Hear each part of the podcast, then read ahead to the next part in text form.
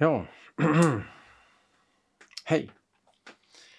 Jag ska nu presentera en kort sammanställning över vad Bibeln lär om frälsningen. Vad menas egentligen med frälsning?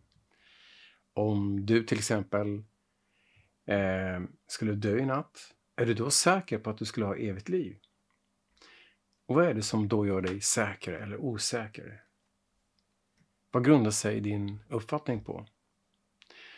För att precisera lite mer kan man istället fråga om du skulle dö i natt och stå inför Gud och han frågade dig varför ska jag släppa in dig i min himmel?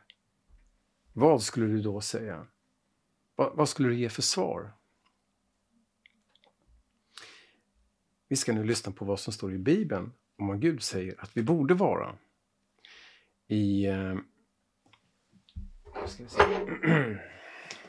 i Tredje Mosebok eh, 19.2 så står det att ni ska vara heliga, ty Herren er Gud är helig.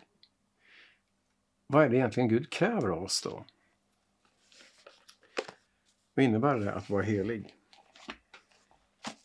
Jo, um, i Lukas eh, kapitel 10, vers 27 28 står det att du ska älska Herren, din Gud, av hela ditt hjärta och av hela din själ och av hela din kraft, av hela ditt förstånd och din nästa som dig själv. Gör det, det vill säga fullkomligt, så får du leva. Alltså att vara helig, det är att vara eh, helig och syndfri. Det betyder liv för oss. Att man är oskyldig och rättfärdig. Och motsatsen, ohelig och syndig, det betyder död för oss. Att man är skyldig, det vill säga orättfärdig.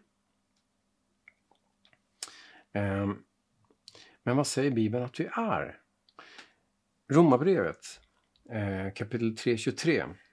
I det så står det att alla har syndat och saknar härligheten från Gud.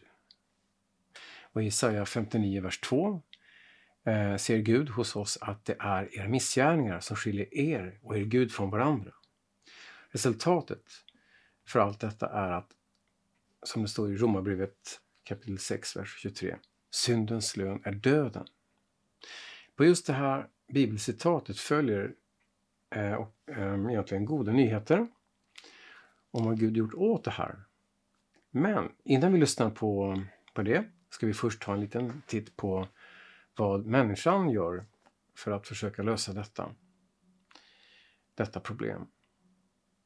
I Ordspråksboken 1625 står det att en väg kan synas rätt för en människa men dess slut kan leda till döden.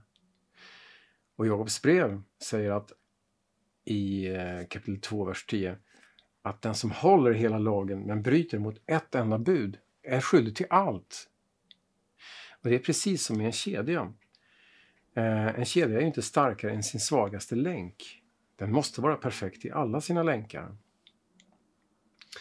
Eh, Romarbrevet 8.7 avslöjar att köttets sinne, köttets sinne är fiendskap mot Gud. Det visar på att vi med vår medfödda syndanatur, det vill säga det som kallas köttets sinne, inte bara är otroende utan vi är även naturligt och aktivt fientliga mot Gud. Ingen människa är alltså av naturen andligt neutral inför Gud i sitt naturliga medfödda tillstånd. Psaltaren 51, vers 7 skriver också att eh, eh, där står det att se, i synd är jag född och i synd blir jag till i min moders liv. Och det gäller alla människor, ända från skapelsen. Man kan sammanfatta människans försök att vara god genom att man till exempel gör fler goda än dåliga gärningar. Jag tänker att vågskålen väger över att man har gjort mer gott än ont. Eller att man kämpar mer för att göra sitt bästa. Eh, att det skulle räcka. Eller att man åtminstone inte är sämre än andra. Eh, hemska personer kanske. Men inget av detta gör att man blir perfekt eller felfri.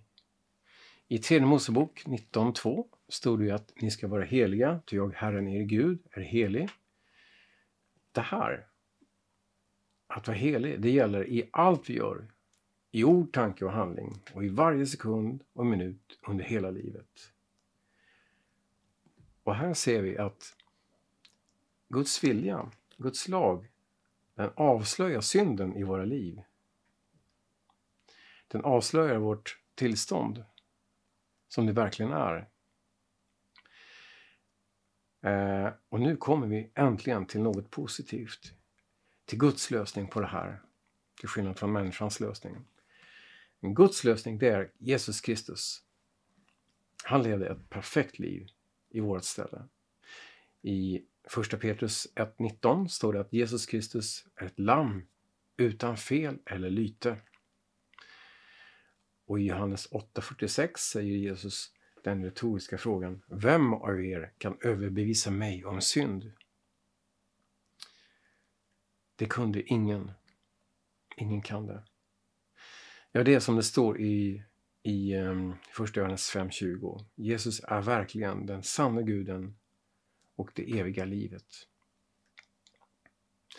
Jesus är Herren vår rättfärdighet, står det enligt Jeremia, eh, profeten Jeremias bok, kapitel 23, vers 6. Men vad är det då Jesus har gjort? Jo, han har gett oss förlåtelse som betyder evigt liv för oss.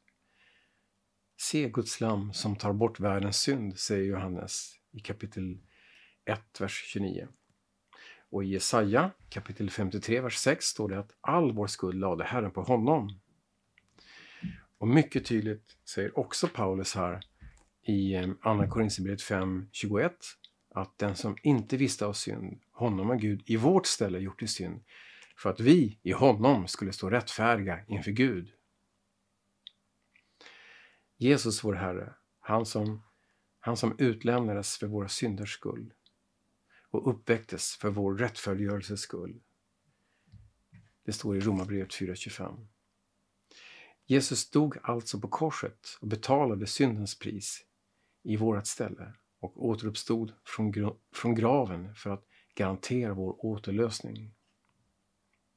Detta är Guds gåva, evigt liv av nåd. Och i Titus brev, kapitel 3, vers 5, står det att han frälste oss, inte för rättfärdiga gärningar som vi hade gjort, utan på grund av sin barmhärtighet. I, i början nämnde jag att, eh, vad det stod i Romarbrevet 6.23, att syndens lön är döden. Men fortsättningen på den versen, det är verkligen det bästa en människa kan få, nämligen att Guds gåva, det är evigt liv i Kristus Jesus, vår Herre. Syndastraffet är alltså betalt en gång för alla och det är endast tack vare Jesus. I Matteus 27, vers 46 citerade Jesus eh, profetian om honom själv i Psaltaren 22, vers 2. Med de inledande orden Min Gud, min Gud, varför har du övergivit mig? Fortsättningen i denna eh, Saltarsalm, vers 22, beskriver senare Jesu seger, att han har verkligen gjort det. Jesus blev nämligen gjord till synd och fick lida helvetets kval som är straffet, nämligen att dö och skiljas från Fadern. Och det är för att sedan på tredje dagen uppstå i seger över död, synd och helvete. Eh, Johannes 19.30 hör vi Jesus säga det är fullbordat från korset innan han gav upp andan. Och det betyder, eh, på grekiska så, så heter det tetelestai. Och det var en term man använde när man var på torget och köpte frukt till exempel. Och när man gav betalningen, då sa man så här, tetelestai. Det är så helt och fullt betalt. Och när Jesus säger det så betyder det att vi är helt och fullt friköpta det är fullbordat, en fullbordad betalning. Syndastraffet är betalt. Eh, och Johannes, eh, i Johannes kapitel 14, vers 6 säger Jesus att han är vägen, sanningen och livet. Och vilka gäller det här då? Det gäller alla. Alla är inbjudna. Och vi går alltså från otro, av naturen andligt döda, till tro. Vi blir andligt levande igen. gjorda andligt levande. Och i Johannes 3.36 så står det Den som tror på Sonen har evigt liv. Den som inte lyder Sonen skall inte se livet, utan Guds vrede blir kvar över honom. Det här eh, hur vi tar del, får del av den här frälsningen, det sker genom tron.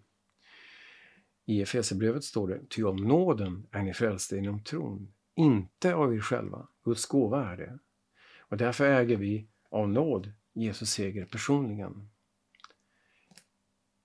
I Apostlagärningarna 16.31 står det att tro på Herren Jesus så blir du frälst. Och i Efesierbrevet 2.1 står det också er har Gud gjort levande, ni som var döda genom era överträdelser och synder. Vi var alltså andligt döda och blev eh, andligt levande. Vi ska lita och förtrösta på honom, att han levde ett perfekt och heligt liv och dog för att sona all synd i ditt ställe. En gång för alla. Detta sker endast via ordet, Bibeln, Guds ord. Eh, och eh, i Romarbrevet kapitel 10, vers 17 står det Alltså kommer tron av predikan i kraft av Kristi ord. Och i Romarbrevet kapitel 1, vers 16 står det Evangelium, det är en kraft, det är en Guds kraft som frälser var och en som tror. Sammanfattningsvis, till sist här, så kan vi säga att Gud har klätt oss i nya andliga kläder som består av Jesu helighet. Resultatet att han inte längre ser våra synder utan endast Jesu helhet. Det är det som är det stora bytet. Han tar våran synd och ger oss sin helhet. Hans seger blir våran seger. Eh, detta är det som står i Andra Korinthierbrevet 5.21, att stå rättfärdig, det vill säga oskyldig inför Gud. Amen.